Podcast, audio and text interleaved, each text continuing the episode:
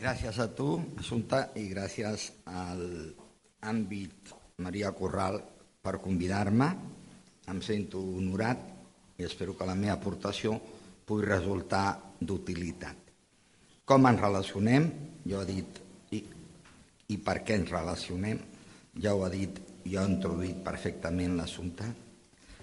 És una necessitat viu, psicosocial.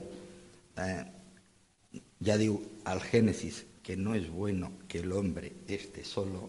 Eh? I, per tant, com éssers socials necessitem comunicar-nos. El problema és que no sempre ens comuniquem bé, perquè aquesta necessitat alhora es viu des d'una ambivalència. Necessito comunicar-me amb el purisme perquè el purisme m'estimi, però alhora, si m'estimen, em poden fer patir. I si en rebutgen, també em fan patir perquè no m'estimen. Per tant, eh, com deia Plauta, l'amor és tan ric en mel com en fel. I el gran problema de les relacions interpersonals és com podem gaudir de la mel sense patir la fel. Tu deies, i, i jo crec que has introduït el tema bàsic, com ens relacionem, però més important que com ens relacionem, jo crec que el gran repte és com ens hauríem de relacionar per no fer-nos patir i fer-nos gaudir els uns als altres. O sigui, tenir una comunicació assertiva, positiva, constructiva. Aleshores, parlaré de la manera més fàcil que jo conec de comunicar-se amb el proisme perquè parteix de la manera en què resolem les nostres necessitats internes.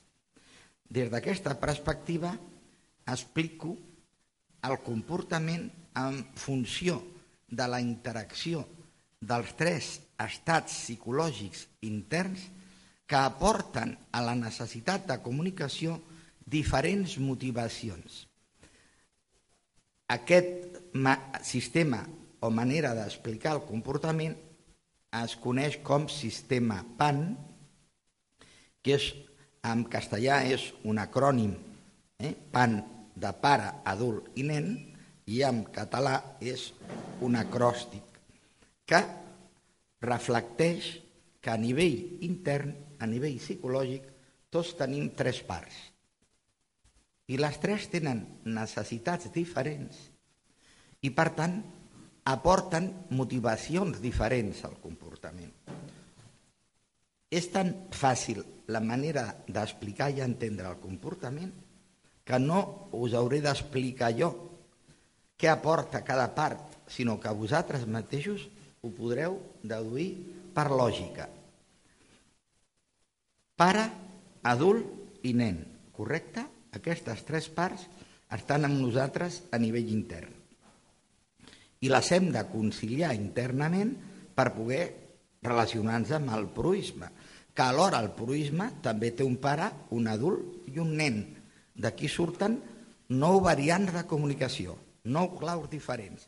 Perquè clar, jo em puc comunicar amb tu des del pare, des de l'adult o des del nen, però tu també em pots contestar des del pare, des de l'adult i des del nen.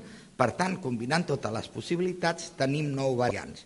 Però abans d'entendre les nou, expliquem les tres. Però no les explico jo perquè les deduireu vosaltres.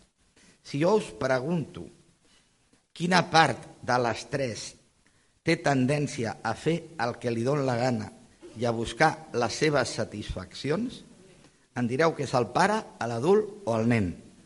El nen, exactament i tots tenim un nen. Què diu Serrat en una de les seves cançons? Niño, esto no se hace, esto no se dice, esto no se toca. El nen el que té és les necessitats essencials bàsiques. Eh?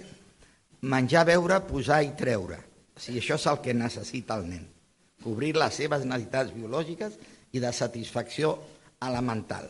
Ara bé, tots sabem també que no tot el que volem ho fem perquè o nosaltres, des de dins, o algú des de fora, ens reprimeix. Bé, quina és la part que reprimeix les coses que vol fer el nen?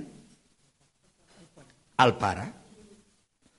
Fixeu-vos que és fàcil. El pare són les normes socials, les convencions, les lleis, també són els nostres propis pares biològics, que són els que de petitets en diuen, nen, això no es pot agafar, que és del, és del veí, o a la tenda agafes un carmel, diuen, no, l'has de comprar. O sigui, et van interioritzant limitacions a les necessitats del nen. I aquest és el gran drama de tot ésser humà.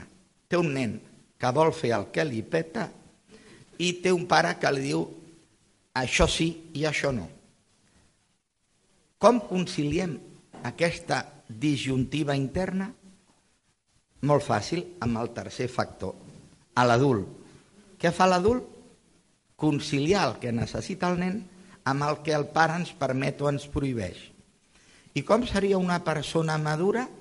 Pues una persona que tingués un adult prou desenvolupat per tenir la capacitat d'harmonitzar les necessitats del nen amb les limitacions del pare. I la persona que això ho harmonitzés òptimament no només seria una persona madura, sinó que seria una persona lliure, perquè la persona només és lliure quan puguem dir sí, diu no, i quan puguem dir no, diu sí. Perquè si jo sempre dic sí, sóc lliure o sóc esclau del nen? Si jo sempre dic no, sóc lliure o sóc esclau del pare? Jo em sento lliure pel que accepto i pel que renuncio. I això és el que em fa ser una persona automadura. Capaci capacitat d'harmonitzar les necessitats del nen amb les prohibicions i acceptacions del pare. I la maduresa, fixeu-vos de quina manera més senzilla de definir-la, és la persona que ha desenvolupat prou a l'adult com per tenir la capacitat de donar-li al nen el plaer suficient que necessita sense entrar en conflicte amb les normes adaptatives que el pare imposa per poder viure en societat. Perquè clar, per viure en societat hem de renunciar a les coses que volem i adaptar-les a les que podem. I podem no només perquè volem, sinó perquè, a més de voler, considerem que això ens ho podem permetre en funció de les normes, les pautes i les variables educacionals que nosaltres interioritzem del pare i que l'adult accepta com pròpies.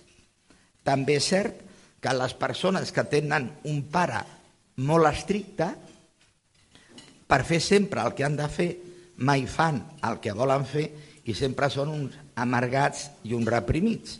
I les persones que tenen un nen massa hipertrofiat, per fer sempre el que volen, mai fan el que han de fer i sempre són immadurs que amb el temps es neurotitzen. Perquè una persona neuròtica només és una persona que no ha trobat la manera de conciliar les necessitats del nen amb les prohibicions i els permisos que el pare don.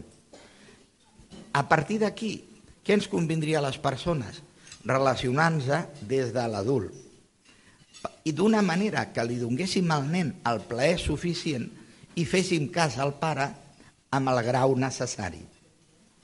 Per això jo he d'establir unes relacions, si puc, des de l'adult. Però clar, també depèn de com la persona que interactua amb mi es posiciona amb respecte al que jo estic interactuant amb ell. Clar, si jo a tu et dic idiota, tu què em contestaràs? Correcte.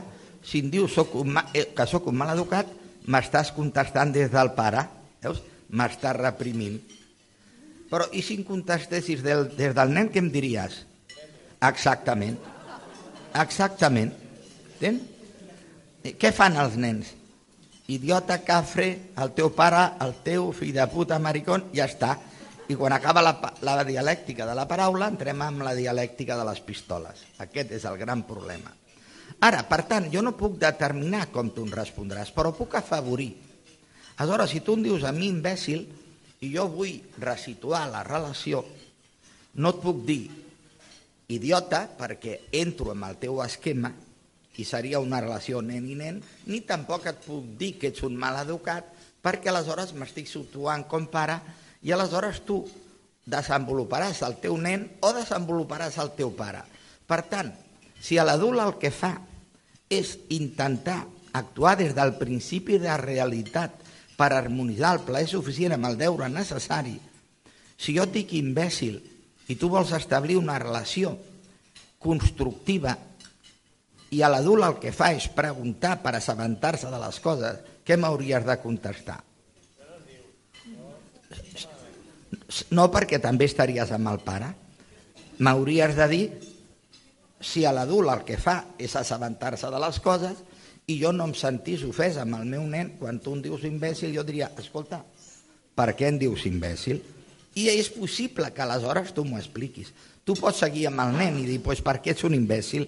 Aleshores jo seguiré amb l'adult i diré, ah, va, si tu veus així, s'ha acabat el problema. Però pot ser que tu, que tu m'ho expliquis. I si tu m'ho expliques, ja estàs entrant amb l'adult. I a partir d'entrar amb l'adult, tots ens podem relacionar. Aleshores, la gran pregunta que ens hem de fer és analitzar amb les persones que ens envolten quin tipus de relació tenim. Si estem amb el nen, amb l'adult o amb el pare, i ells com estan amb nosaltres. Quan som petits, els nostres pares estan amb el pare i nosaltres estem amb el nen, però a partir de certa edat està clar que els pares i fills han de transformar la relació i segueixen sent pares i fills, però la relació ha de ser adult-adult. I per això es transformen els models a partir de certa edat. Aleshores, com estem nosaltres? Com estan els altres? I a partir d'aquí decidir com podem afavorir un comportament madur amb el proisme a partir de la nostra gestió positiva de la realitat. Quin és el problema? Que si jo sóc molt feble, sóc molt immadur, estic molt neurotitzat, qualsevol cosa que tu em diguis que afecti el meu nen i el nen es senti desvaloritzat, aleshores jo reaccionaré de manera immadura. I aleshores o et criticaré, o et desautoritzaré, o t'insultaré. I aleshores dependrà de si tu estàs prou centrat amb l'adult que puguis neutralitzar l'agressió o no. Hi ha un paradigma, jo quan era jovenet, una de les primeres feines que vaig tenir va ser ser l'assessor artístic de l'Eugeni i a vegades l'acompanyava a les seves actuacions. I ja sabeu que l'Eugeni tenia acudits d'una un, una gran profunditat psicològica. Hi ha un acudit de l'Eugeni que reflecteix perfectament quin seria el comportament lògicament caricaturitzat d'una persona madura.